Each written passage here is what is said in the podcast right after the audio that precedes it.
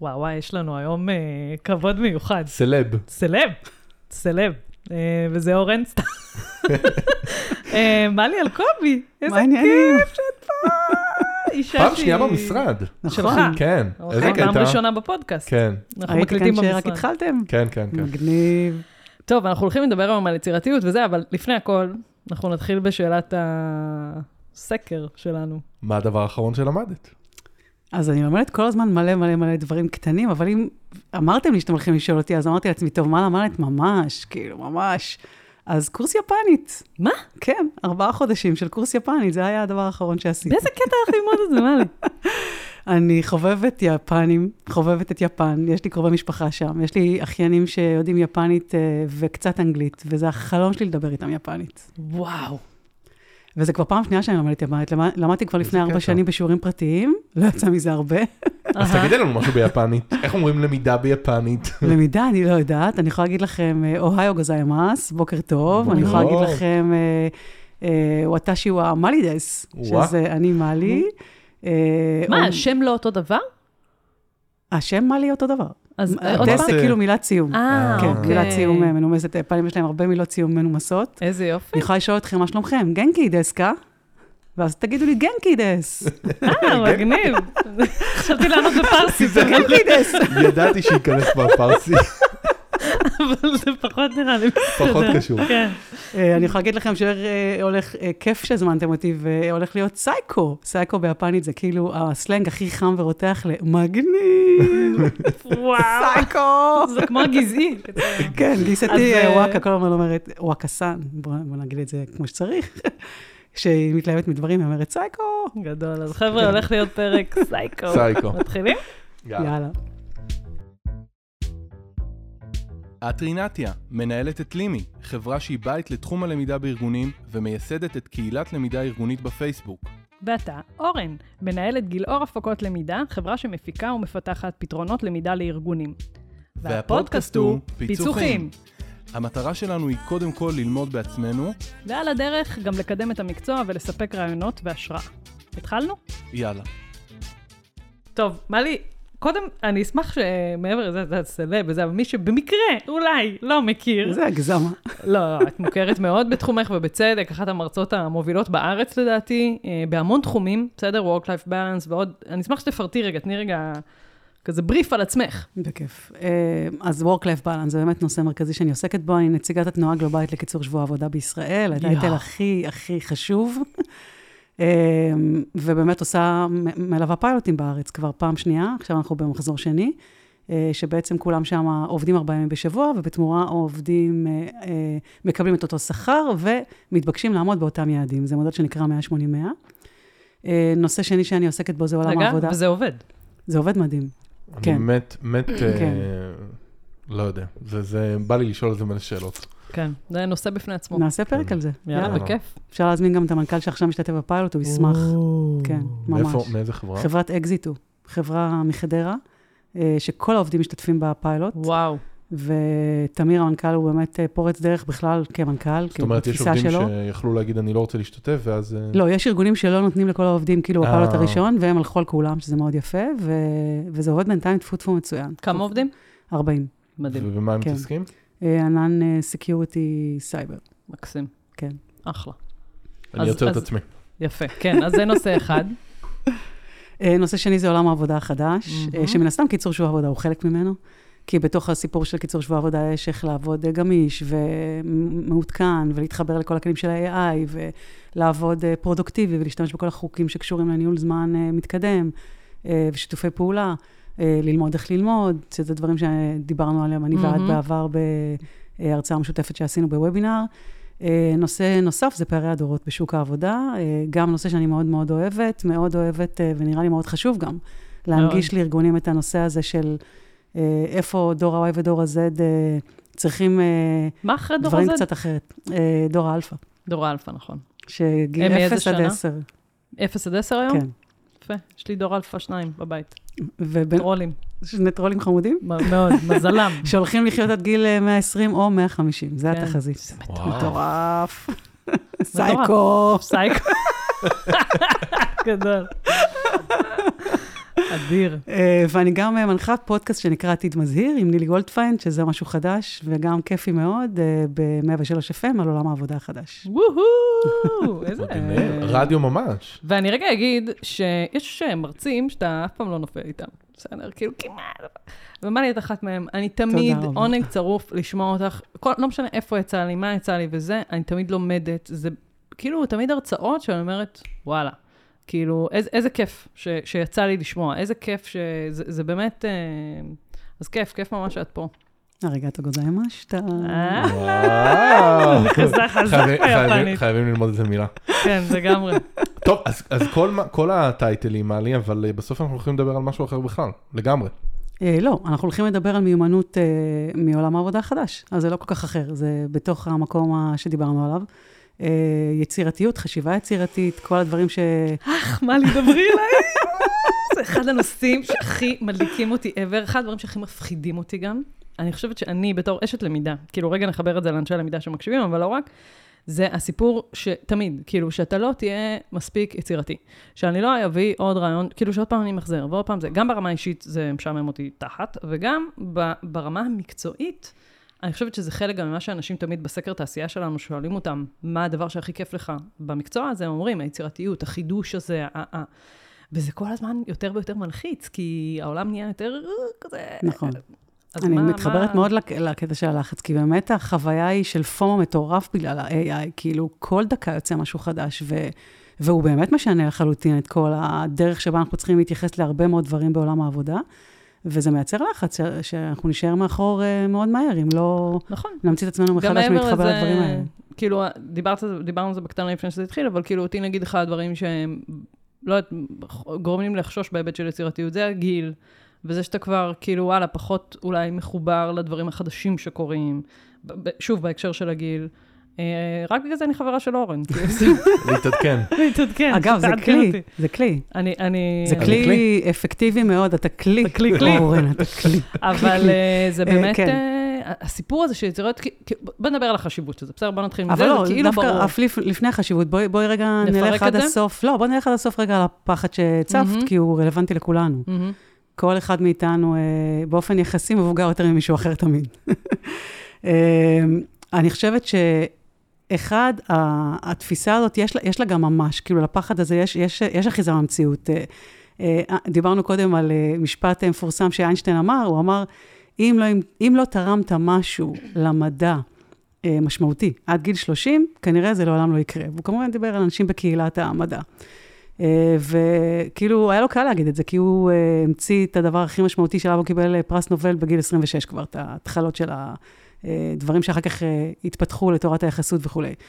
ו, וגם יש מחקרים, ללא קשר לאיינשטיין, שמראים שפיק היצירתיות אה, עד לפני כמה שנים, ועכשיו זה קצת השתנה, היה גיל 20-30, עכשיו שינו את זה לכיוון 30-40, כי גם כולנו נכנסים לעולם העבודה, לומדים יותר, ומשהו כן השתנה בעולם העבודה מלפני 50-60 שנה.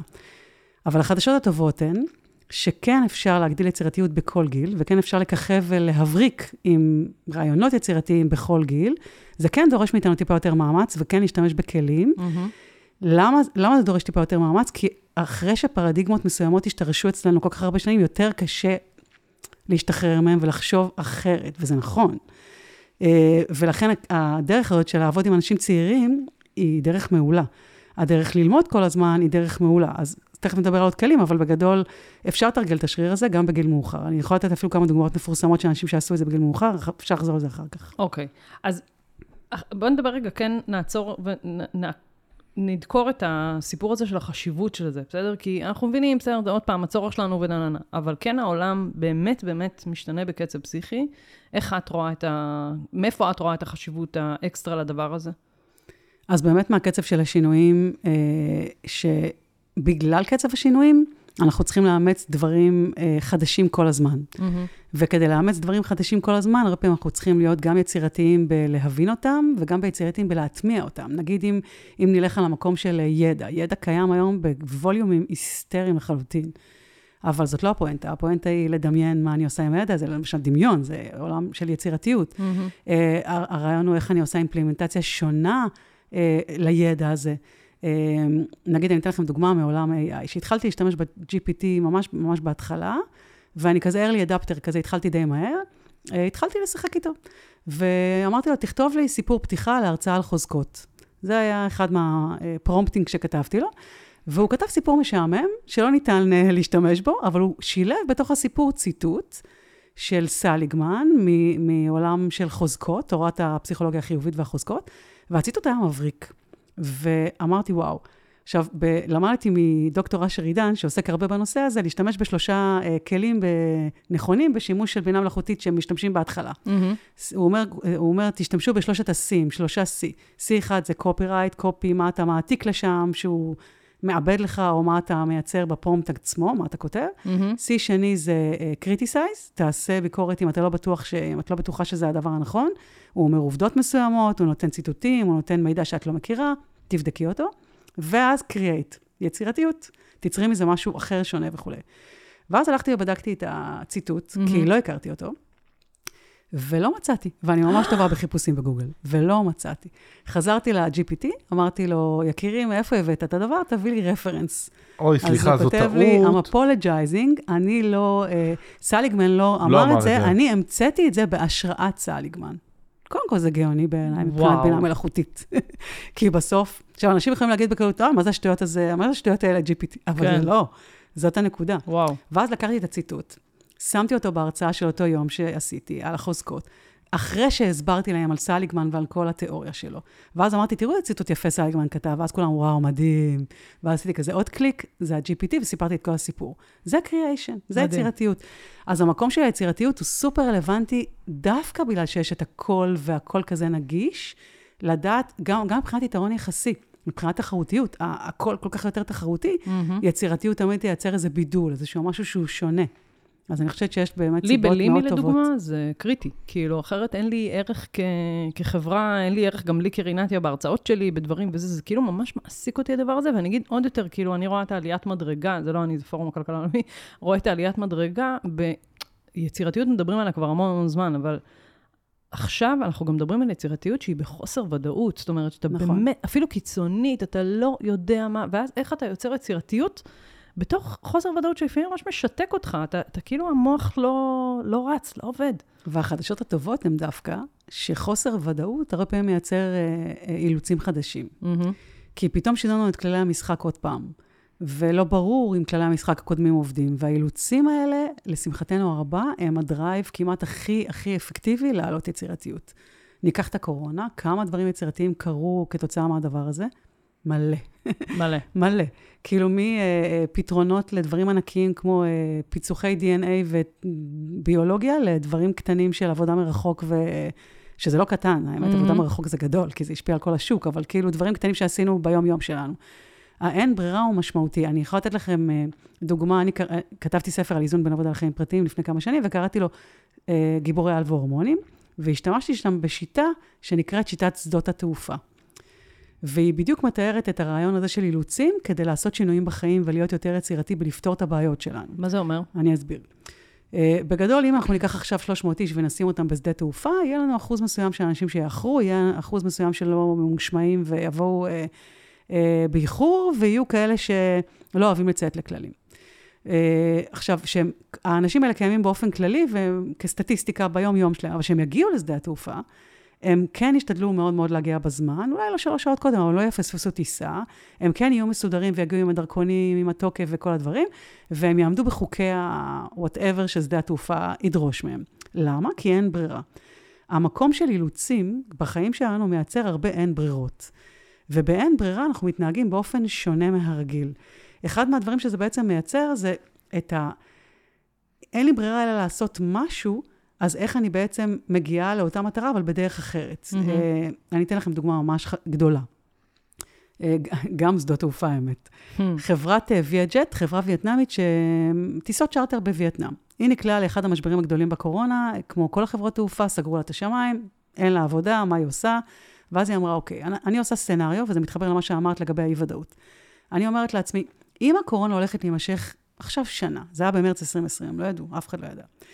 אם היא אורכת שנה, מה אני צריכה לעשות כארגון עסקי כדי לא לפטר אף עובד, לא להוציא אותו לחל"ת, ועדיין כן לייצר איזו רציפות עסקית ולשרוד כלכלית? וואו. מה אני יכולה לעשות עכשיו למרות האי-ודאות הזאת, ו- ו- ואני יוצאת מנקודת הנחה בסצנריו הזה, קוראים לזה בעולם ה... אה, בעולם הזה, כאילו זה נקרא לאמץ אי-ודאות. מהמם. לקחת את האי-ודאות במקום דווקא לאקסטרים. אסטרטגי, במקום שיכול לייצר חדשנות ויצירתיות, לא להגיב לזה כהישרדות. כולם יוצאים לחל"ת, זה מהמם. הישרדותי, בסדר? זה, ראינו חברות תעופה עושות את זה. כן. ומה שהם עשו, הם הפכו להיות חברת קרגו, חברת משלוחים, וחברת אה, טיסות צ'רטר פנימיות, ושני המהלכים האלה גרמו להם לסיים את 2020 עם 3 מיליון דולר רווח. וואו. בלי לפטר אף עובד. עכשיו, כל אחד, בדיעבד זה שטויות, כי כולם עשו את זה אחר כך. כל החוכמה היא שהם עשו את זה במרץ 2020. וואו. אז המקום של אי-ודאות לא צריך להלחיץ אותנו, הוא כן ילחיץ אותנו כי אנחנו מאבדים שליטה. אין מה לעשות, זה לא כיף, המוח לא אוהב אי-ודאות. אבל המקום הזה של להסתכל על המקום הזה, וזה עולם העבודה החדש, אנחנו הולכים להיות באי-ודאות המון המון שנים לגבי מיליון דברים. אין המשבר אקלים, אין הטכנולוגיה, אין המלחמות, אין הפוליטיקה, אין השוק הכלכלי התנודתי. כאילו זה שם המשחק. זה שם המשחק. אז אם אני מסתכלת לתוך הדבר הזה, אומרת, וואלה, דווקא זו הזדמנות להיות יותר יצירתית, כי אילוצים ושינויים גורמים לי, אין לי ברירה. אם אני עכשיו עצמאית ואני לא עובדת בגלל המלחמה, כי אני עוסקת בעולם של אירועים ואף אחד לא מזמין אירועים, מה זה גורם לי? להמציא את עצמי מחדש. זאת הנקודה. אי-ודאות ואילוצים זה דבר שהוא טוב לנו, ואם אנחנו מסתכלים עליו במקום חיובי, הוא לא מבאס. אבל זהו, אני חושב שבדיוק אתמול ראינו בחדשות שהעלו עצמאים שאמרו שאותה מפיקת אירועים שאין לה, לה עבודה. אז אני חושב שיש אנשים שזה לוקח אותם למקום של יצירתיות ו- וליצור מתוך זה, ויש אנשים שזה קצת אה, סוגר אותם. ו- וש... אבל זה, הנה, זה עוד סיבה ללמה... ללמה אנחנו מדברים על זה באיזשהו כן, מקום, נכון. נכון? ולמה גם אנחנו צריכים, תראו, זה, אגב, כאילו אם רגע אני מחזירה את זה שנייה לארגונים והסיפור של יצירתיות ולמידה, אוקיי?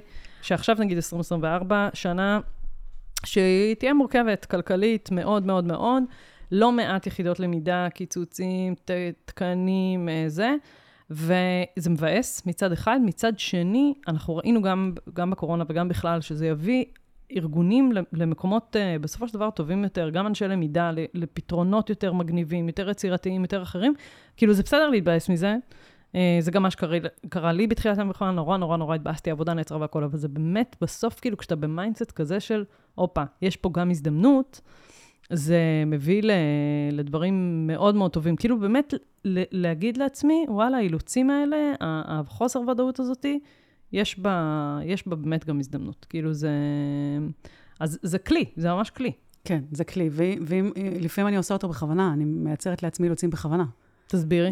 נגיד אם יש לי רעיון כללי להרצאה חדשה, אחת לכמה זמן זה קורה, ואני ממש נדלקת על הרעיון ורוצה להתעמק בו, אין אף אחד שיושב לי על הראש ואומר לי, עכשיו ההרצאה יוצאת. אין כזה. נכון. אגב, אצל כל אדם בעולם הפיתוח האישי אין אף אחד שיושב לו על הראש, כאילו, עכשיו תפתח את עצמך דחוף. לא, זה לא קורה.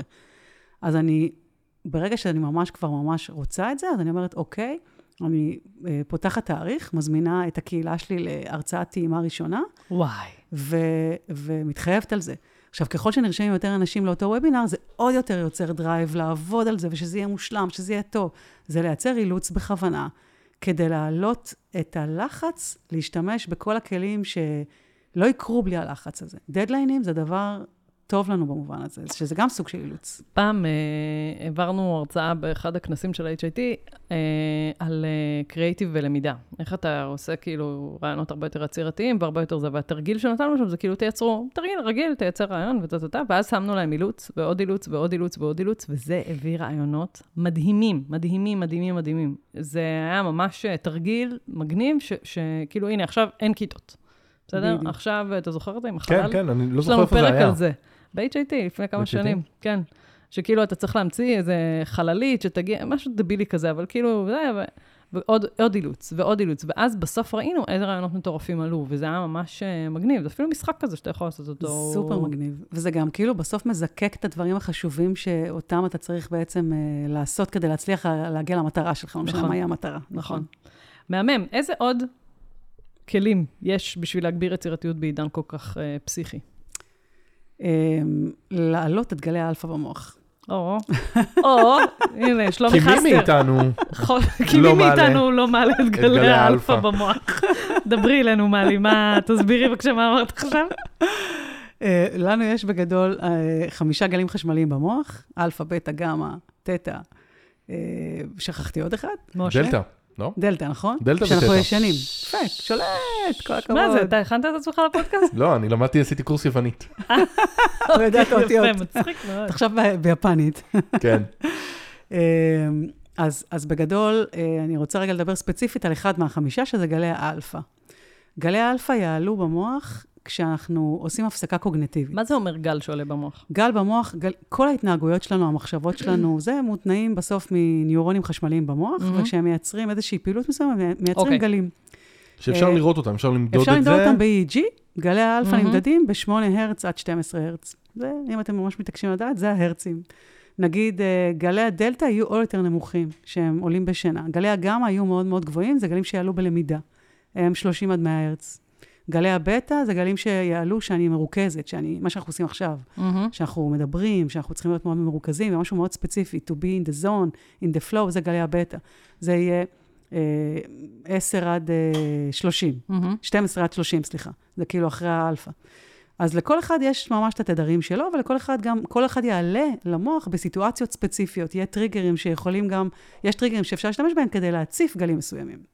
נגיד אם אני רוצה את גלי האלפא, שגלי האלפא מעלים יצירתיות ומורידים סטרס, זה- בעצם המטרה למה כדאי להעלות אותם, לעצום עיניים, רק סתם לעצום עיניים, זה כבר מעלה את גלי האלפא אוטומטית, בלי להתאמץ בכלל. וואו. יש דברים יותר אה, מו- מורכבים לעשות מדיטציה, שזה כבר קשה. אה, לצאת להליכה, זה קל. אה, להקשיב למוזיקה שאנחנו אוהבים, לעשות הפסקות באופן כללי, יעלה את גלי האלפא. כל פעם שהמוח נח, והוא לא חושב על דבר אחד ספציפי וצריך להתאמץ, או לעשות פעולה קוגנטיבית או פיזיולוגית מאומצת, זאת הזדמנות להעלות את גלי האלפא. נגיד נהיגה, לפני השינה, אחרי השינה. אה, מקלחת? מקלחת כמובן. בגלל כל- זה הרעיונות הכי טובים. מקלחת? נכון. ובחופשה, ו- כן. וואי, בחופשות. חופשות. מלא. למה קיצור שבוע עבודה עובד בין היתר? ויש לי ממש סיפור יפה מה, מה, מהפיילוט הקודם. ספרי לנו את הסיפור, מעלי. מלונות אפריקה ישראל היו אה, אחד הארגונים הראשונים בפיילוט הראשון, והם אה, קיצרו את שבוע העבודה, והמנהל משאבי האנוש שלהם, אה, סמנכ"ל משאבי האנוש שלהם, רונן, בא ויום אחד אמר לי, תקשיבי, אמר לי, אי אפשר לעצור את כמות הרעיונות, אי אפשר, לא לעצור, אי אפשר לעמוד בכמות הרעיונות שהאנשים מביאים איתם ביום ראשון בבוקר. יואו. הוא אומר, מחלקת השיווק פשוט לא מפסיקה לקבל מלא מלא רעיונות מהאנשים, והם מיישמים גם, כאילו. למה? כי היה להם את יום חמישי לחשוב. הסיפור הזה של רגע הפסקה ממה שאני עושה והתרחקות ממה שאני עושה, אוטומטית מעלה יצירתיות. זה ממש כלים פרקטיים, כאילו. אני רוצה לספר על עצמי רגע, ברשותכם. יאללה. אני, לקח לי זמן להבין שאני עוסקת ב- ביצירה, כאילו, אני, כאילו, ההרצאות שאני בונה, והפיתוחים שאני עושה, והחברה כחברה, וכל כך הרבה דברים בזה, וזה זה באמת עייף אותי מאוד, מאוד, מאוד. המוח מאוד מאוד מתעייף מזה. וצוחקים עליי, אבל אני בימי חמישי משתדלת מאוד לא לעבוד. כאילו, יש לי ביומן, אה, זה סגור, ו- וזה, וזה באמת, כאילו, לקח לי זמן לתת גושפנקה לעצמי ל- לעשות את זה. או, או להגיד, מ-4, מ-5, אני לא עונה לוואטסאפים יותר. ולא כי אני עצלנית, בסדר? לא כי, כי באמת אני זקוקה לשאט-דאון הזה בשביל שמשהו חדש יבוא, בשביל שאני אוכל גם להחזיק את כל הדבר הזה, וזה זה באמת ממש מוכיח את עצמו, כי אני ממש רואה את עצמי, אני יותר בנחת, אני יותר בזה, מעבר ל... לא לצעוק על הילדים כי אני עצבנית וכאלה, זה, זה באמת מביא איתו עוד דברים חדשים, עוד מקום ל, ל, להעביר, להיכנס, שעוזר ל, ל, למוח לפעול טוב יותר. נכון. כי, כי בעצם גלי האלפא יעלו, כשהם עולים, הם בעצם מחברים את, מציפים רעיונות מעולים מהתת-מודע למודע. אם נגיד אה, נלך על עוד דרך ממש אה, מעניינת וקלה ל- ליישום, אה, להעלות את גלי האלפא, זה לצאת להליכה עם עצמכם. מה זה אומר? נגיד אם אנחנו עכשיו יוצאים להליכה ושומעים מוזיקה, ונגיד שהמוזיקה טובה וממריצה אותנו, אז מה יקרה לנו? אנחנו מקשיבים למוזיקה, אנחנו... אבל איזה, מה יקרה לקצב ההליכה שלנו? מהיר יותר. הוא יהיה מהיר יותר. זה כמו שאנחנו נוהגים באוטו ושיר מגניב, אנחנו full volume רוקדים ופול גז. פול גז. ואם זה כאילו שיר פחות, אז קצת נלך כנראה יותר לאט. כלומר, המוח אוטומטית מושפע מה, ממה שהוא מקשיב לו, גם לגבי הקצב וגם לגבי המצב רוח. אגב, לשפר, אם אנחנו רוצים לשפר מצב רוח, בלי קשר ליצירתיות, למרות שזה כן קשור, כי מצב רוח טוב מעלה יצירתיות, זה מוכח, כאילו, אני לא אומרת את זה סתם. איזה מגניב. אז, אז לשמוע מוזיקה שאנחנו אוהבים, ישר גם יעשה את העבודה. אבל אם אני רוצה ממש להיות, מה שנקרא, מחוברת עם ה...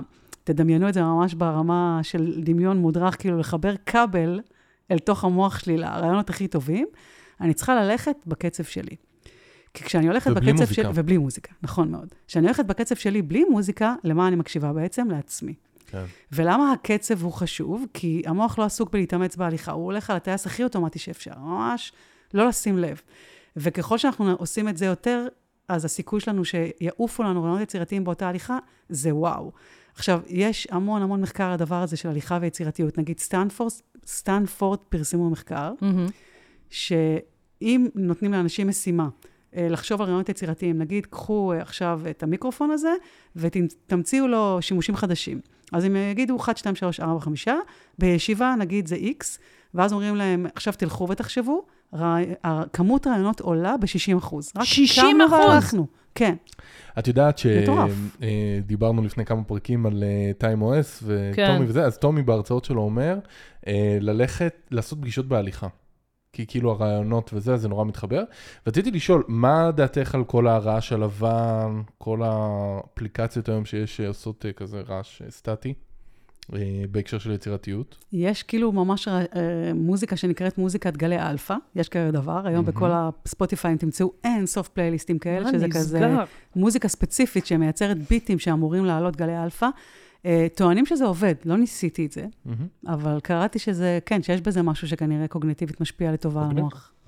בואנה, זה, זה קטע, כי אני חושבת, עוד פעם, זה כאילו עידן שדורש הרבה יותר יצי- יצירתיות וטה-טה-טה, וככל שזה ימשיך ככה זה יגבר וננה. מצד שני, זה גם עידן שאנחנו חונקים את עצמנו מכל כיוון וזווית אפשרית, בעומס עבודה, ב- בחדשות, במיליון ואחד דברים. וזה זה אתגר באמת באמת רציני, כאילו, לעזור לגלי האלפא האלה לעבוד. זה, נכון. לא, זה לא פשוט בכלל. נכון, כשאני דיברתי על טכניקת שדה תעופה, אני רגע כן. חוזרת לרעיון הזה, זה בעצם לייצר סביבה שתגרום לאילוץ הזה לקרות. אז למשל, אם אני יוצאת עכשיו לטיול עם הכלב והטלפון נשאר בבית, נשאר בבית, אין ברירה, זה שדה תעופה, כאילו, זה אילוץ. מהמם. אם יצאתי עכשיו אה, אה, לפגוש חברים ועשינו חוק שכל הטלפונים בתיקים ו- ולא נוגעים בהם, אז יצרנו איזושהי סביבה שתומכת בזה. אם אה, אני רוצה עכשיו שיחה עם אה, בן זוג שלי בשקט ורגע כן להתנתק ולהעלות רעיונות לפתירת האתגרים שלנו בבית, אז רגע נצא למרפסת ולא נהיה מול הטלוויזיה. כאילו, אגב, שינוי הסביבה גם מאוד מאוד מעלה יצירתיות. ומעלה גם יכולת ללמוד דברים חדשים. כאילו, אני אה, עברתי לתל אביב לא מזמן, בזכות הקורס יפנית. שזה מה? מצחיק, מה זאת אבל, אומרת? אבל בעצם זה ממש התגלגלות של הדבר הזה. הלכתי ללמוד יפנית, אה, והקורס ביפנית היה בתל אביב, בשכונת אה, מונטיפיורי, שזה ליד אה, שדרות יהודית, כל המוסכים של מזרח תל אביב שם. שכונה שאני מכירה אותה מזמן בתור שכונת המוסכים. מהמם. ולמדתי שם כל שבוע, כל יום רביעי, ואני מגיעה, ואז אני מגלה שכונה שהשתנתה לחלוטין. יש שם את שדרות יהודית ששיפצו, ומלא מלא בתי קפה, vibe מגניב, וכל פעם אני באה, אני אומרת לניצן בעלי, בא לי להישאר, לא בא לי לחזור הביתה. לכלא רעננה. איזה קטע. היינו שם 20 שנה, קראנו לזה כלא רעננה. יואו. עכשיו, החלום שלנו היה לעבור לתל אביב, זה חלום ישן, כי גרנו קודם בתל אביב, התחלנו את חיינו בתל אביב, זה היה יעד, שהיה נראה ככל שהשנים חולפות כיעד בלתי אפשרי ובלתי מושג לעולם. ודרך הלימודים ביפנית, בעצם גיליתי שכונה שבפרדיגמות שלי, בחיים לא הייתי מחפשת שם דירה. ולשם עברנו, שנתיים. אחרי. כן. כאילו, בזכות היפנית אני בכלל בתל אביב. אז כאילו, הרבה פעמים אנחנו עושים דברים, כאילו, שמשנים סביבה, ועושים דברים אחרת, ומגלים עולמות חדשים. אני אתן לכם עוד דוגמה לגבי המלחמה. מהמם. אתמול הייתה לי שיחה, אני לא אגיד את השם כי לא קיבלתי אישור, אבל אני אגיד משהו כללי. חברה מאוד טובה, שההורים שלה מפונים מאחד היישובים, אה, ואימא שלה באמת אישה יוצאת דופן ומדהימה, והיא גרה עכשיו בירושלים. והיא עברה מקריית שמונה. והיא מאוד מבוגרת, אבל היא כזאת מבוגרת, מלאת אנרגיות, ובאמת, וואו, אישה וואו. היא אומרת לי, תקשיבי, היא גילתה את החיים. וואו. היא נוסעת על הרכבת הקלה, היא מבלה, אני באה אליה כל יום שבוע ואנחנו ביחד. וכל החיים שלה השתנו. אז כאילו, הנה אילוץ, מלחמה, פינוי, זה גם יכול להיות זוועת עולם, לא לכולם זה עובד, אבל פינו, שינוי הסביבה יכול כל כך להשפיע עלינו, זה מאוד מאוד מעלה יצירתיות, כי כל ההורמונים עולים. הדופמין שלומד דברים חדשים, אה, וההתמודדות של הדופמין שעולה כדי להתמודד עם הסביבה החדשה, זה הכל מעלה עוד יצירתיות ועוד למידה ועוד התפתחות אישית. מהמם. איזה כיף. עוד כלים, מה, מה אתה ב... מה? וואו, אני... המוח כי- שלך? אני אגיד לך למה. למה? כי אני כל הכלים שמלי מדברת עליהם, זה כלים שנורא קשה לי ליישם, וזה נורא מבאס אותי. כאילו, גם ל- לעשות תהליכות, וגם לש... לעשות את ההפסקות. דיברת על הפסקות, וחשבתי על זה שזה לא באמת הפסקה, זה גם אם אני עכשיו אקח את המחשב ואסגור אותו, ואשב ככה ולא אעשה כלום, זה... המוח ממשיך לעבוד. אין שקט. ו... המוח ממשיך לעבוד, אין, אין, באמת- אין באמת כאילו שקט מוחלט, זה בסדר, אבל, אבל עצם במקומות העובדה... הלא טובים. כאילו, אני הוא מבינה לא... מה אתה אומר. הוא לא הולך למקום, הוא עסוק בטרדות ה... אבל אני יכולה להגיד לך משהו ש, שגם אני מאוד כזאת, אבל אני חושבת שככל שאני שומעת עוד פעם ועוד פעם ועוד כן. פעם, וכל פעם בווריאציה אחרת, את ה-reason why לעשות את זה, זה בסוף, כאילו אמרתי, זה שחרר אותי מה, כן. מהמצפון הזה אפילו, ואז אני, יש אצלי במוח כאילו אפילו איזשהי סוג של הפרדה, שאני אומרת, ביום חמישי אני לא חייבת כלום לאף אחד. בתפיסה שלי, אני לא חייבת כלום לאף אחד. כאילו ברמה של, אם קבעתי איתכם פגישה ביום חמישי, בואנה, תגידו לי שאפו, בסדר? כאילו, כי זה באמת היה, לא יודעת מה, ואם אני עונה לוואטסאפ אחרי חמש וחצי, זה, הייתה לכם דוגמה, אוקיי? ממש, זה, הייתה ועידה, ההודעה שלך וזה. בוואטסאפ, אני מתה עליה. תודה. עכשיו. המלחמה הורדתי אותה, אני צריכה להחזיר אותה, אבל תחזירי אותה, זה סטארט-אפ. תודה רבה. זה חינך אותי, כן? לא... מהמם. זה, מלי מדברת על ההודעה שיש לי בוואטסאפ אחרי חמש וחצי, מישהו שולח לי הודעה, אז אוטומטית עולה הודעה שאני לא, לא זמינה כרגע לענייני עבודה, ונדבר בשעות עבודה, בגדול. ושזו הודעה אוטומטית, אז לא להיעלב. אבל אה. הייתה את הוועידה, שבוע שעבר וזה, ואז שלחתי לצוות של אה, לקמוס, הצוות שכאילו ביחד הגה את הוועידה הזאתי, שלחתי עם הודעה ביום שישי בבוקר. וואו, וואו, בדיוק. וואו. ואז כולם אמרו, בואנה, אם רינת שולחת תודה ביום שישי בבוקר, זה אומר זה משהו. סימן שמשהו גדול קרה פה, וזה מדהים שכאילו, ה- היכולת הזאת לייצר, אבל אני- אני חוזרת אליך ואני אומרת שכאילו ככל שאני יותר ויותר ויותר אשמע עוד פעם ועוד פעם ועוד כן. פעם ועוד פעם את המשמעות של זה, את הלמה זה חשוב ואת הזה, אני כאילו מקבלת אה, עם עצמי, הגוף שלי נרגע אני, ואומרת, אני אתן גם כלים ל... יש לזה. משמעות, בסדר? יש לזה משמעות ל- לשבת ולבהות, בסדר? בזה שאני, זה בסדר שאני אשאר עוד חצי שעה במיטה ויבהה, בכלום. הכל טוב. אני כאילו. אתן לך ולכל המאזינים אינסנטיב למה לעשות את זה ולמה זה לא כזה קשה כמו שאתה חושב שזה קשה. Uh, במאמר שפרסמו את המחקר של אותו סטנפורד עם ה-60% יותר, הם נתנו כותרת במאמר שמאוד תפסה ככה את העיניים שלי. הם כתבו, סטיב ג'ובס צדק לגבי הליכות.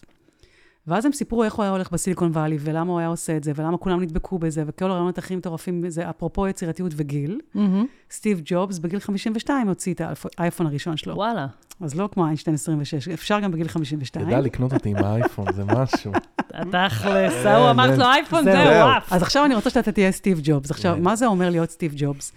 לעשות נגיד הליכה עם עצמך, אתה יכול אד הוקי. מה זה אומר? פתאום נתקעת עם בעיה או אתגר, במקום לשבת ולקרוא באינטרנט ולחקור וללכת ל-GPT ולעשות את הדברים הרגילים שאנחנו עושים, שזה אחלה גם, אבל לעשות משהו אחר מדי פעם, לצאת להליכה. שכל מטרתה זה לחשוב על האתגר. ממש אד הוקי. ללכת 20 דקות, רבע שעה, לחזור. אולי יעלה רעיון, אולי לא, מקסימום, הרווחת עוד כמה צעדים, הרגעת את הגוף, העלית גלי אלפא, הורדת סטרס, זה לא רע. זאת, זאת כשיטה, כאילו, ממש ממש יכול לעבוד. ועוד שיטה מאוד טובה, זה לפני השנה ואחרי השנה. וזה קל, כי זה זמין לכולנו. מתי? מה זה מתי? לא, מתי אמרנו? איך? להעיף את הטלפון הנייד מהמיטה. להשאיר אותו בחדר שינה, כי כולנו לחוצים על מלחמה ועניינים, וכל אחד עם החיים שלו, אין בעיה, שהסטרס לא יעלה, אבל לקנות שעון מעורר. עצם העובדה שלפני השנה ואחרי השנה לא תהיה הוקט לדבר הזה, ותתרגל באופן קבוע לעצום עיניים ולחשוב על האתגרים שיש לך שהייתי רוצה לפתור, לא על הטרדות היום, לא. איזה אתגר יש לי שבא לי לפתור, שבא לי להמציא, איזה משהו יצירתי אני רוצה לעשות. אגב, אם תעשה את זה כל יום, הסיכוי שתחלום על זה הוא מאוד גבוה.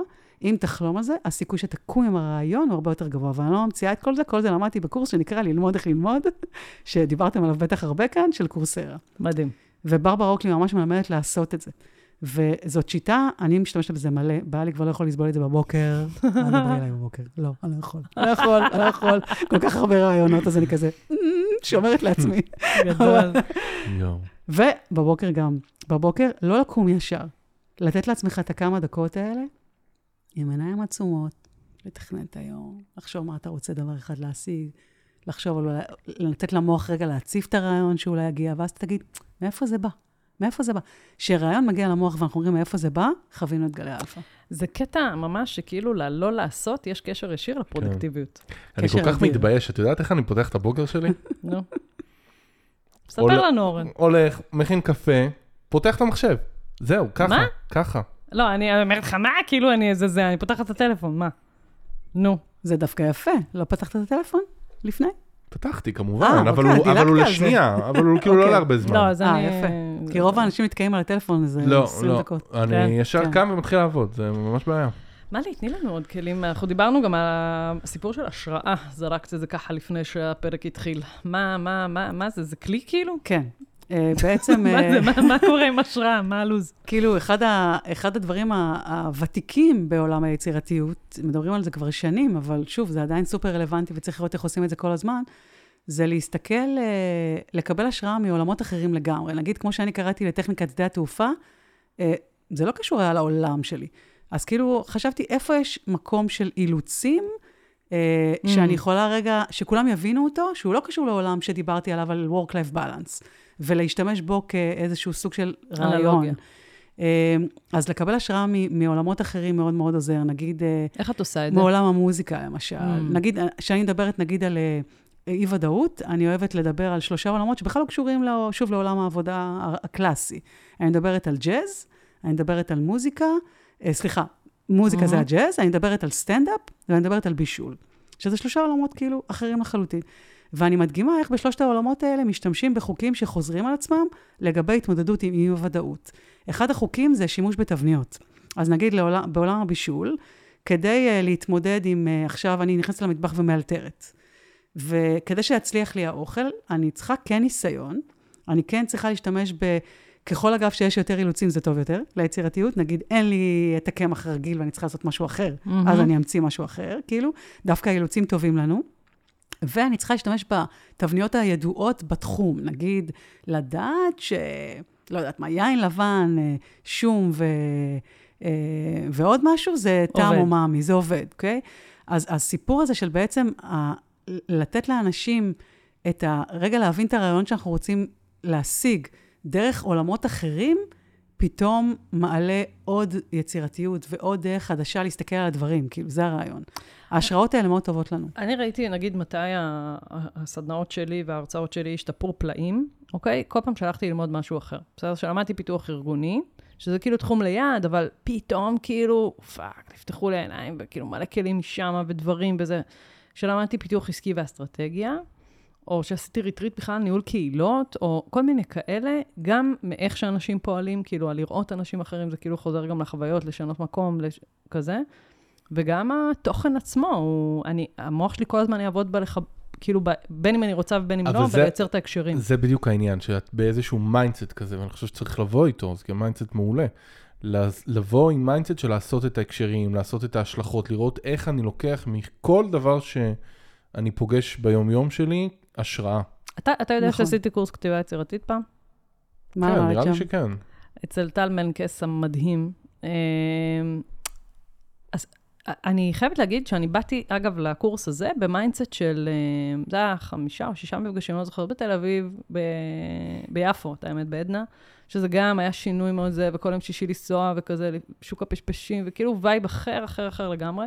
עם אנשים כאילו שממש לא קשורים לעולם המקצועי שלי ולא זה. אבל uh, אני באתי לשם ב mindset של אני לא מחפשת כלים ואני לא מחפשת כלום. אני צפה פה. אני לא יודעת להגיד באופן מדויק, כאילו, מה... הנה כלי, כמו שנגיד למדתי פיתוח עסקי ואסטרטגיה, אז הנה כלי לככה, הנה זה כאורדי, בסדר? מילים שכאילו עד היום אני משתמשת בהם, מתרגלת אותם וכזה.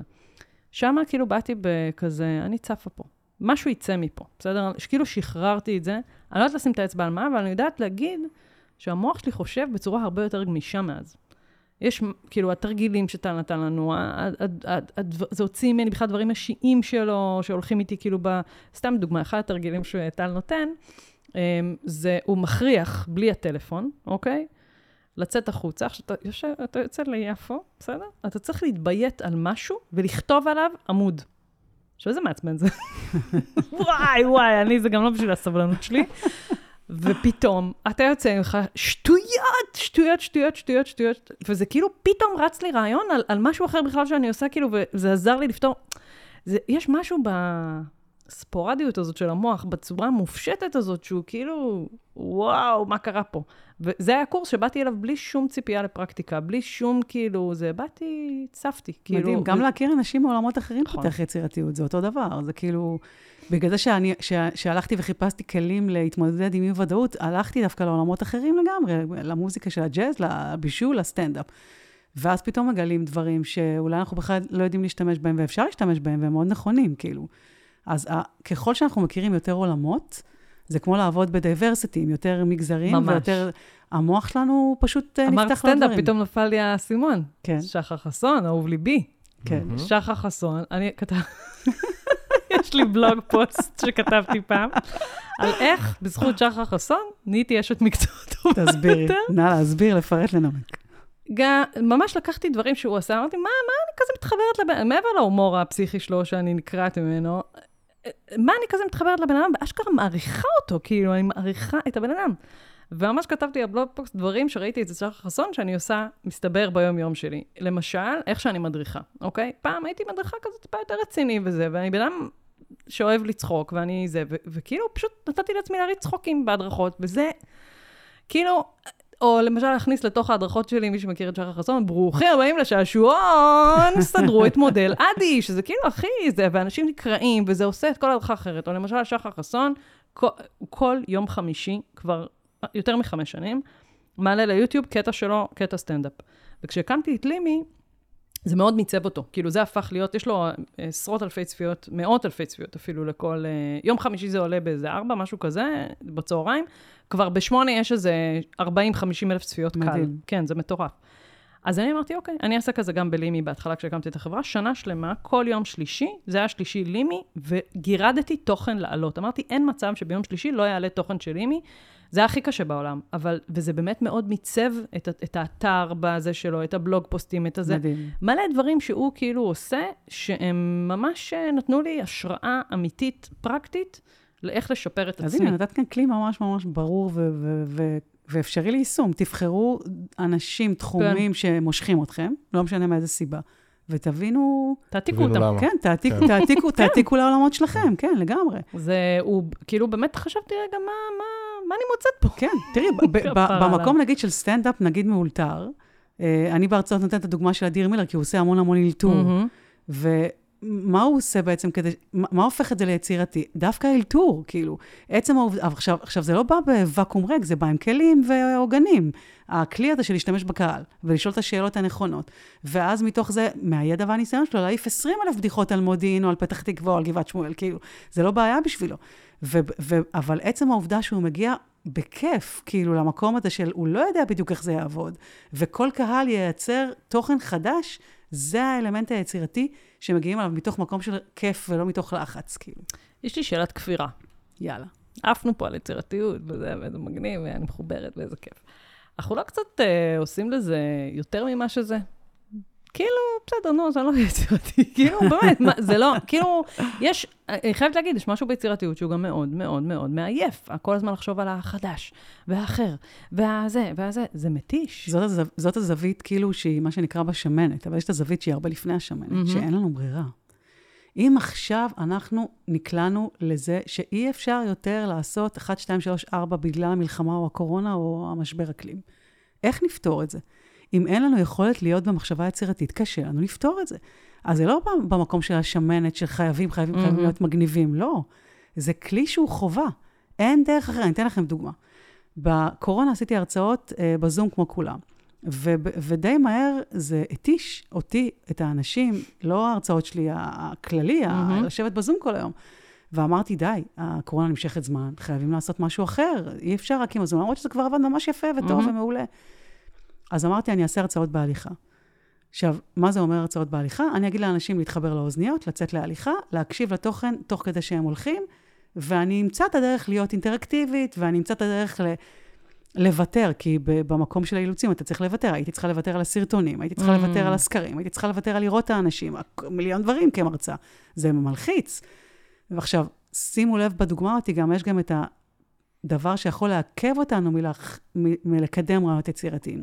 אחד הדברים שמקדמים את רוב האנשים, יש לנו כבר רעיון מעולה, נגיד, היה לי את הרעיון הזה, אני חושבת שהוא מעולה, אני לא יודעת אם הוא מעולה, אני חושבת שהוא מעולה.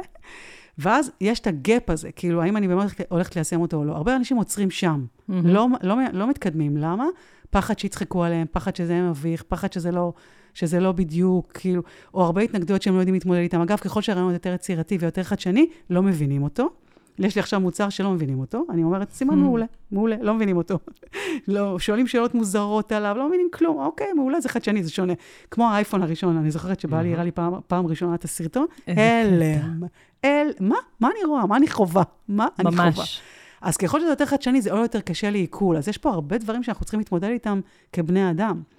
וכאן זה השרירים שצריך לאמן. איך אני מתגברת על המקום של גם אם תהיה הרצאה על הפנים בהליכה, והם לא ילכו, והם יעזבו באמצע ואני לא אדע, אני הולכת על זה. אני לוקחת את הסיכון. הלקיחת סיכון הזאת היא, עוד פעם, היא לא nice to have, היא לא שמנת. היא קריטית, כי אני הייתי נשארת בלי עבודה אחר כך. ולשמחתי זה עבד, וככל שעשיתי את זה יותר, זה עבד יותר. וזה גם היה יכול לעבוד, עשיתי הרבה דברים כן. שלא עבדו בחיים, זה בסדר. אה, למדתי קורס יפנית ראשון, לא עבד, השני גם לא עבד, אבל עברתי בתל אביב. אגב, זה גם חלק מהעניין. נכון, כאילו, שהיצירתיות לפעמים מולידה משהו שהוא לא... נכון, אנחנו צריכים כאילו לקחת את זה כמקום ש, של אה, התפתחות אישית ולמידה, ולתרגל את המקומות המנטליים, הפסיכולוגיים כל הזמן. וככל שעושים את זה יותר, השריר הזה מתחזק, ואז זה וואו. ואז פתאום יש לך איזו הברקה שבאמת מצליחה, וזה מגניב. אם הרגע, אני מתייחסת לזה גם בעולמות הלמידה, עוד פעם, כאילו, לקחת את זה, זה, נגיד, אה, לפני כמה, איזה שנה, משהו כזה, לא, עשינו מיטאפ של אנשי למידה בהייטק. ו... וכאילו אמרנו, רגע, הרי העובדים, כאילו, מה זה, מה זה לא לומדים? הם לומדים כל הזמן הרי, וזה, למה הם לא צורכים את הלמידה שלנו, כאילו, הקלאסית יותר שאנחנו מביאים? אמרנו, רגע, לאן הם כן הולכים? פתאום עלה לנו הרעיון, תוך כדי החשיבה, של אפרופו השראה מעולמות אחרים. retreat של למידה. למה שלא נעשה retreat של למידה, כאילו שהוא מרוכז כזה, או binge קורס, כל מיני, פתאום כאילו לקחת דברים ממקומות אחרים וזה, ואז כאילו זה לא הצליח, אבל הנה, נולד בזכות זה משהו כזה. כאילו יש משהו בקבלה ולחבק את הדבר הזה שהוא... הוא גם קצת משחרר אותי מ, אוקיי, סבבה, אז הרעיון הזה, retreat ללמידה לא יעבוד, אבל הנה, בזכות זה נולד 1, 2, 3. כאילו, ומה שאמרת הגלגולים... עכשיו זה גם נקודה ממש חשובה רגע לשים לב אליה. Mm-hmm. כי כשאנחנו מנסים להיות יצירתיים ואנחנו מתחילים, אז הרבה פעמים יש לנו את החזון הזה של, אוקיי, יש לנו איזה מוצר או רעיון, ופתאום בהתמודדות ביום-יום זה לא בול, ככה זה, כי המציאות תמיד שונה מהרעיון. וחלק מלהתקדם קדימה זה גם לוותר על החלום המושלם. לוותר. חשבתי שאחד, שתיים, שלוש, לא, זה יהיה אחד. אוקיי, בסדר, רק חלק מסוים. זה גם מאוד מאוד חשוב, כדי באמת להיות פרקטיים ולא להישאר עם הרעיונות באוויר. אני מתחבר לשאלה הקודמת שלך, רינתיה, ואני חושב שזה קצת כמו בפרק שדיברנו על דאטה, ושאלתי אותך, כאילו, מה...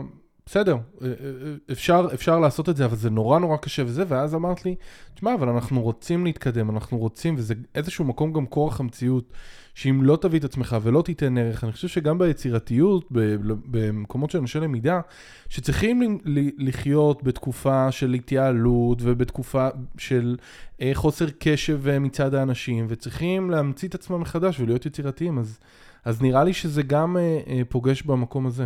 אני מאוד מאוד מסכימה איתך. עוד פעם, אני גם מתחברת למוטיבציה של אנשי למידה, אנחנו מאוד אוהבים את זה. כאילו, זה חלק מהסיבה שאנחנו ממש שואלים, מה, מה עושה לך טוב בתפקיד? למה אתה, מה כיף לך במקצוע הזה? הסיפור של היצירתיות, ובאמת להביא, בטח בתהליכי למידה מורכבים, והיכולת להביא פתרונות שהם אחרים וזה, וזה אחת הסיבות שאני גם חושבת שאנחנו צריכים יותר ויותר לאמן את השריר הזה. אני אגיד רגע אמירה מבאסת, על אחת כמה וכמה מי שעובד בתוך ארגון. כי אני בתור עצמאית, מלי גם את ואורן גם אתה, אנחנו כל הזמן נדרשים לזה. זאת אומרת, זה כן. חלק מה... אין לנו ברירה. בדיוק, כאילו, אתה, אתה קם בבוקר ושום דבר לא מובן מאליו, ואתה צריך להמציא את עצמך ולעבוד בזה ואתה... בתוך ארגון יש משהו שלפעמים גורם לך להיות uh, יותר uh, שכיר בהוויה, וזה בסדר. Uh, וזה גם כיף, שאת, כאילו, מצד שהם... אני אומר, היצירתיות יכולה להביא אותך למקומות יותר uh, מגניבים. מה רצית לומר, אורן? רציתי לשאול את מלי, אם יש מקומות שחוסמים, שיש, האם יש ארגונים שחוסמים יצירתיות? כן, לדעתי הרוב. כן? כן? למה? כאילו, עדיין, מלי, עדיין? כן, עדיין. כי... סתם, אני יודעת את התשובה, עדיין סתם כאילו רוצה ללכת רואה. כן, עדיין, אין מה לעשות, זה כל כך קשה. זה... במה הם חוסמים יצירתיות, או איך אפשר לעודד יצירתיות? החסימה, החסימה ליצירתיות היא, היא נובעת מה, מהקשיים אה, לקדם רעיונות אה, שלא בתוכנית העבודה, או חורגים, או שונים, כאילו. אה, או מאיימים על דברים שכבר הכרנו, כל הפרדיגמות הפסיכולוגיות יושבות חזק Mm. בארגונים בילדין. והרבה פעמים היצירתיות מגיעה בארגונים גם כמו אצל אנשים, רק שאין ברירה.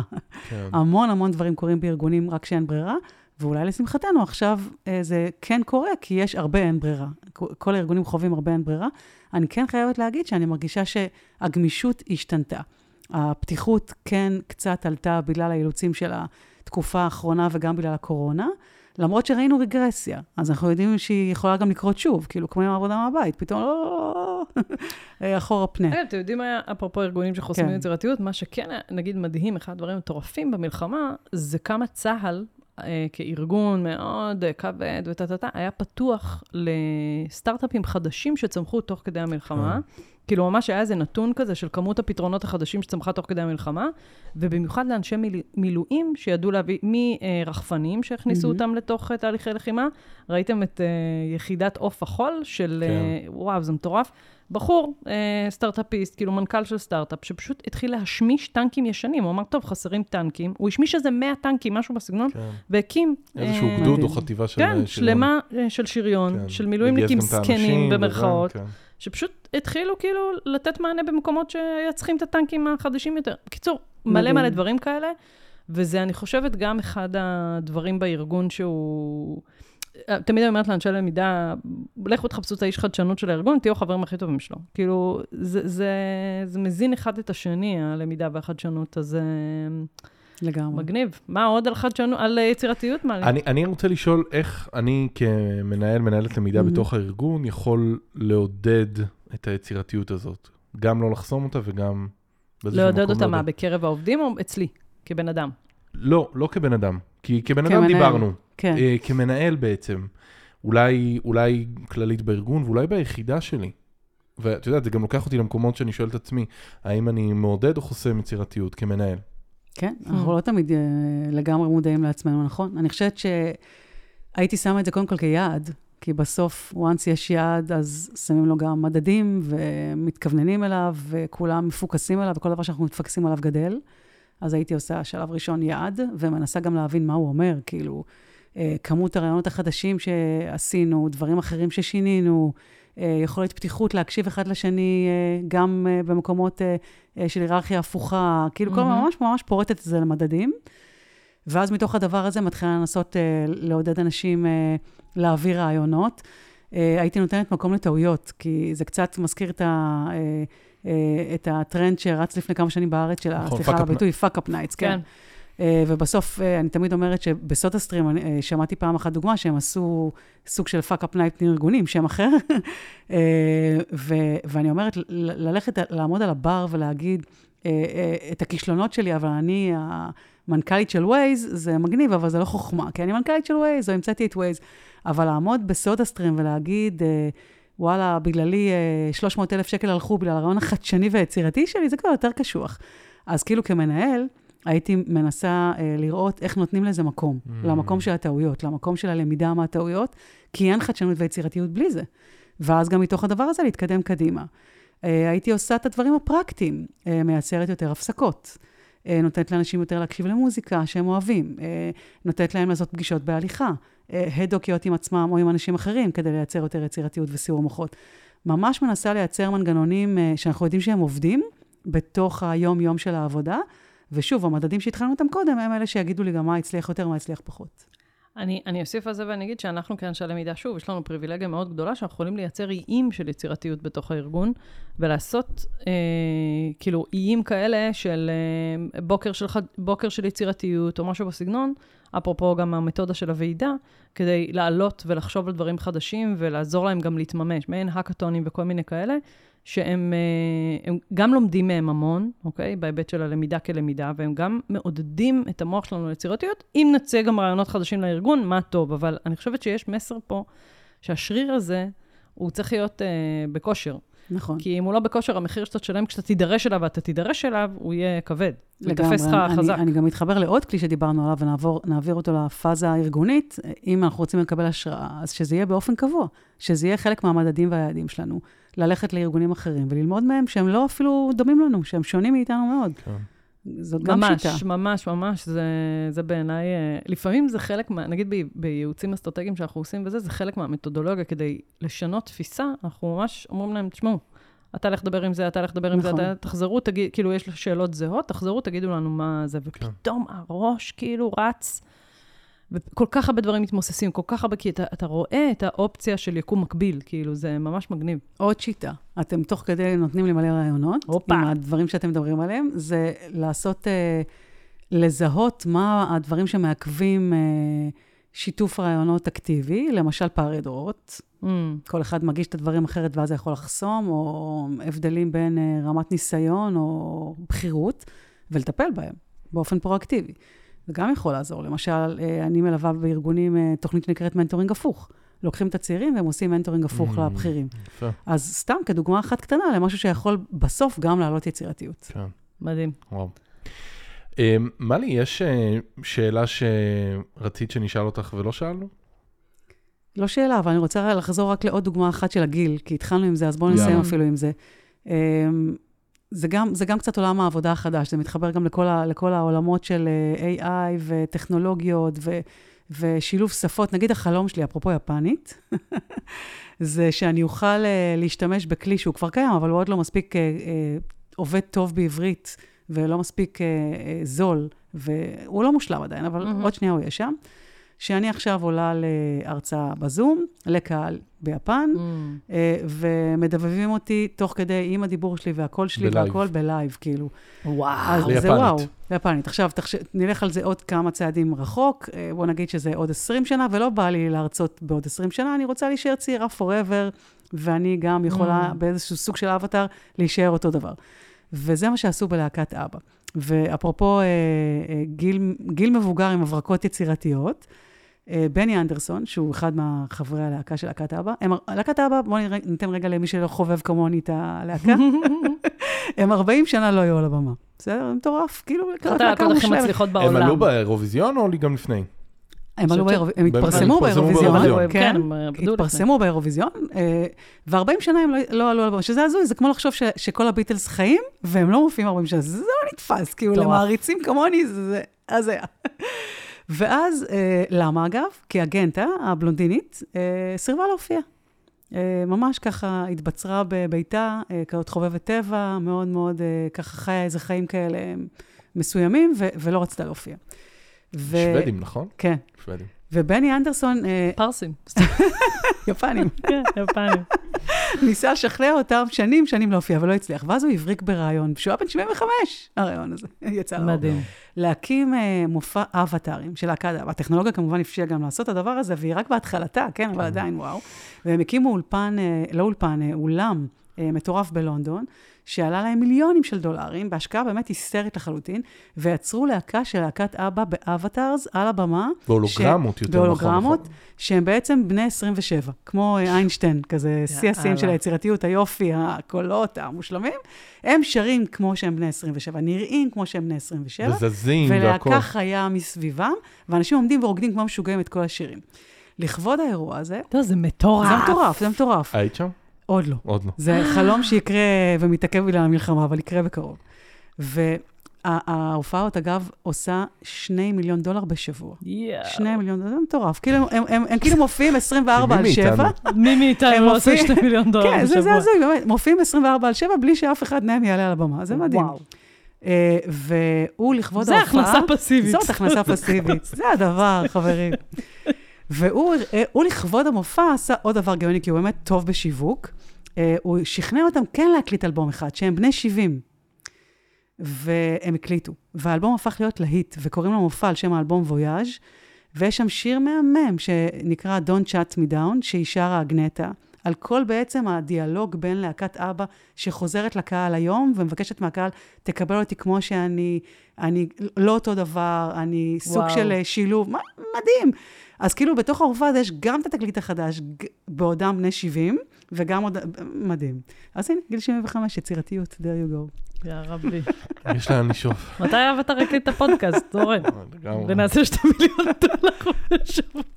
זה אפשרי, תחשבו. הנה, זרקתי לכם כאן עולמות אחרים, ועכשיו. צריך ליישם אותם בעולם הפודקאסטים. לא, אבל זה באמת יצירתיות פסיכית, כאילו... ממש. מדהים. מדהים. ורגע אחרי שנתנו את הזה על אבא, את אה, גם הבאת איזה הברקה. הרצאת רדיו?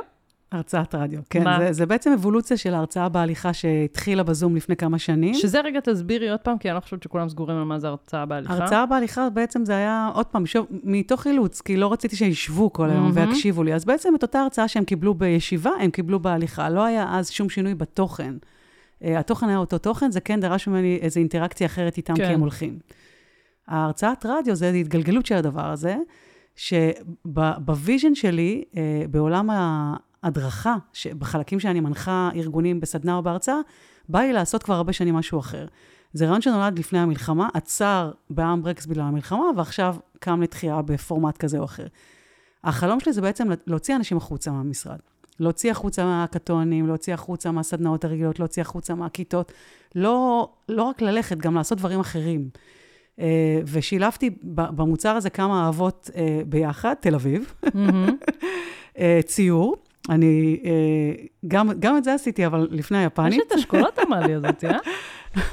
נו, רגע, אני לא הבנתי מה סליחה, הולך. סליחה, נו. מה קורה? למדתי איור, אה, אני כזה יודעת להעתיק, אני, יש לי כישרון העתקה מאוד. מאוד טוב, פיתחתי אותו באיזשהו קורס איור, אה, ואוכל, אוהבת אוכל, במיוחד סיורי אוכל, ובניתי איזושהי אה, אה, חוויה שבעצם נותנת את הכלים שאני רוצה לתת ברגיל, בכיתה, דרך הרגליים. אז נגיד אם אני אדבר על הפסקת אלפא בהיבט של יצירתיות, אחד הדברים שמעלים יצירתיות זה לצייר או לנגר. כל הזמן שאנחנו נוגעים במשהו פיזי, והמוח שלנו רחוק מהמסכים, והוא עושה, ככל שזה גם יותר מד- מדיטטיבי, כאילו נגיד לגלף, מלא גלי אלפא. אז אמרתי, אני אשלב להם סדנת ציור. אז, אז, אז יש שם סדנת ציור. את התוכן שלי על, ה, על התוכן היותר תיאורטי של כל הכלים שדיברנו עליהם עכשיו, הם מקבלים בהרצאה בהליכה, אבל זה לא הרצאה רגילה, זה הרצאת רדיו. מה זה אומר? שילבתי שם מוזיקה. לקחתי ארבעה שירים שמתחברים לתוכן, ועשיתי אותם בפורמט האזנה מודרכת, כמו, אה, העתקתי את זה מעומר גפן אה, בגלגלצ. אז, אז כאילו, זה שוב, זה למידה. אני רגע מקשיבה מה הסיפור של השיר, מאיפה הוא מגיע, מה המילים אה, מסמנות, איך הן קשורות לתוכן, ואז אני מקשיבה לשיר תוך כדי הליכה. ואז אנחנו גם חווים תוך כדי הליכה את המצב רוח שמשתפר, או את הקצב שעולה, או את הקצב שיורד, או אולי זה מרגש אותי, אולי זה מחזיר אותי בכלל מקום של נושא אחר שדיברתי עליו, כמו אופטימיות וניהול במשברים. אז זה כאילו אז מגניב איך ושונה. משתתפים בזה? לא הבנתי. מה קורה? איך מש... ארגון עכשיו רוצה, נגיד, להזמין הרצאה. ב- זה הרצאה ממוקדת לארגונים. כן, אז הוא יכול, הוא יכול להזמין אותה בשני פורמטים, או הרצאה, שזה בעצם, הוא עכשיו מקבל את, ה, את ההרצאה באוזניות, ואז העו- העובדים יוצאים להליכה ומקשיבים לה. כולם באותו. זמן. ב, הם, הם מקשיבים, לא מקשיבים לי בלייב, אני מוקלטת בפורמט רדיו, אוקיי. אבל הם ב- בלייב יוצאים כולם להליכה ביחד. אוקיי. זה קורה בתאריך מסוים. אוקיי. או כסדנה שבעצם משלבת עוד פעילויות, של סיור אוכל, ציור, שאת נוכחת בפעילויות האלה? לא, יש מדריכה מטעמי שהיא נמצאת שם ובעצם מסדרת את כל הדברים, והולכים גם לים ועושים מדיטציה, זה ממש די. כאילו חווייתי, פיזיולוגי, כאילו, פיזית הם מגיעים למקומות שבניתי מסלול. כאילו, ממש בניתי מסלול בתוך תל אביב, שמותאם לתוכן שבניתי. אז זה, זה כאילו פורמט קצת אחר. איזה מדליק, איזה, מה, אתה יודע מה מגניב? אפרופו למידה. מה מגניב? מה שהיא? מדברת איתנו שעה על יצירות, היא עושה מביאה בום, את הרעיון הכי יצירתי שיש. אז כאילו, אתה רואה שיש בסוף שורה תחתונה לכל מה שהיא היא כן. מיישמת את זה. אני משתדלת ליישם זה לא. מובן מאליו. וואי, זה מטורף. מטורף. רינתי, החוק מספר אחת אצלי, באמת, כן. זה לעולם לא לדבר על דברים שאני מיישמת. זה חוק מאוד מה חזק. זאת אומרת? כלומר, מהיום, לא מה, מהיום שיש לי את העסק. אני מאוד מאוד מקפידה, זה כאילו מבחינתי אחד הערכים הכי חשובים כבן אדם, לא לדבר על דברים שאני לא מיישמת. אני, וואו. כן, באמת, אני כן, ממש כן. מקפידה על זה. כאילו, ואם יש דברים שאני לא עושה טוב, אני גם אומרת אותם, ואומרת, זה לא התחום שלי, ו... ומי זה- שלא, או מהמאזינים, כתב לו עכשיו כהשראה את הדבר הזה שמלי אמרה, זה. בעיה. כי כאילו, נכון. אפשר לקחת את זה כהשראה ולעשות עם זה עוד מלא נכון. דברים בתוך הארגון. נכון. אפרופו הסנדלר הולך יחף לדוגמה, כאילו, אני לא יכולה כל היום לדבר על למידה בלי שאני בעצמי צורכת נכון. כל מיני סוגים של למידה על בשרי, כן. כאילו, גם בשביל ללמוד, כאילו ללמוד, אבל גם, קיצור, אני איתך כן, מאוד, גם קיצור ממש. שבוע עבודה. אני קיצרתי, רק אחרי שלוש שנים שקיצרתי, התחלתי לעשות וואו. את זה מול ארגונים, כאילו. אז זאת אומרת, יש לי עוד, אה, עוד שנה כזה? לא, לא חייבים שלוש שנים, רינתיה, לא. אפשר, היום זה עידן AI, זה קצר, קצר. מהר, מהר. אוקיי, אז סיכום במילה. מסכמים במילה. בגדול כל אחד חושב על מילה, שהיא מבחינתו, הוא הולך איתה, כאילו, זו המילה המרכזית מבחינתך בפודקאסט הזה, בפרק הזה. מה המילה שלך, אורן? בא לי עוד אין לה מילה, אבל תוך כדי אנחנו מפעילים עליה את החוק מספר. אחד של את אילוצים. האילוצים. אז המילה שלי זה טייס אוטומטי, כי מה שלקחתי מהפרק זה למצוא את הפעולות שאפשר להיכנס בהן לטייס אוטומטי. טוב שלך. הליכה, אגב, גם בישול, עכשיו אמרת גילוף. אז אה, נכון, גם בקיצוץ נגיד של ירקות וזה, יש איזושהי פעולה אה, חזרתית כזאת, אה, לנקות שניצלים, נכון? אבל, אבל זה...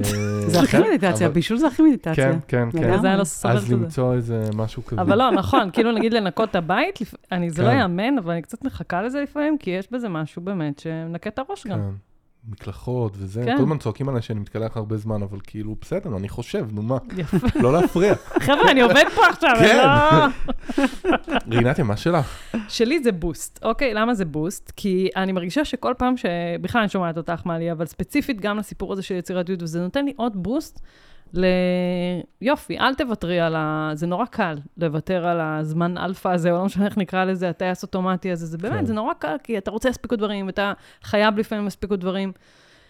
וזה נותן לי עוד כאילו גושפנקה, עוד בוסט להגיד, הכל טוב. כאילו, זה, זה, אם את רוצה להיות יצירתית, ואת צריכה להיות יצירתית, תני לעצמך את הדבר הזה, זה חלק מההוליסטיקה של זה. וזה מבחינתי עוד בוסט ל- להמשיך לעשות את זה, ואפילו לתת לזה עוד מקום ועומק. מדהים. כן. אני בוחרת את המילה אילוצים, כי... כירחנו אותך. לא, לא כי הכרחתם אותי. למה?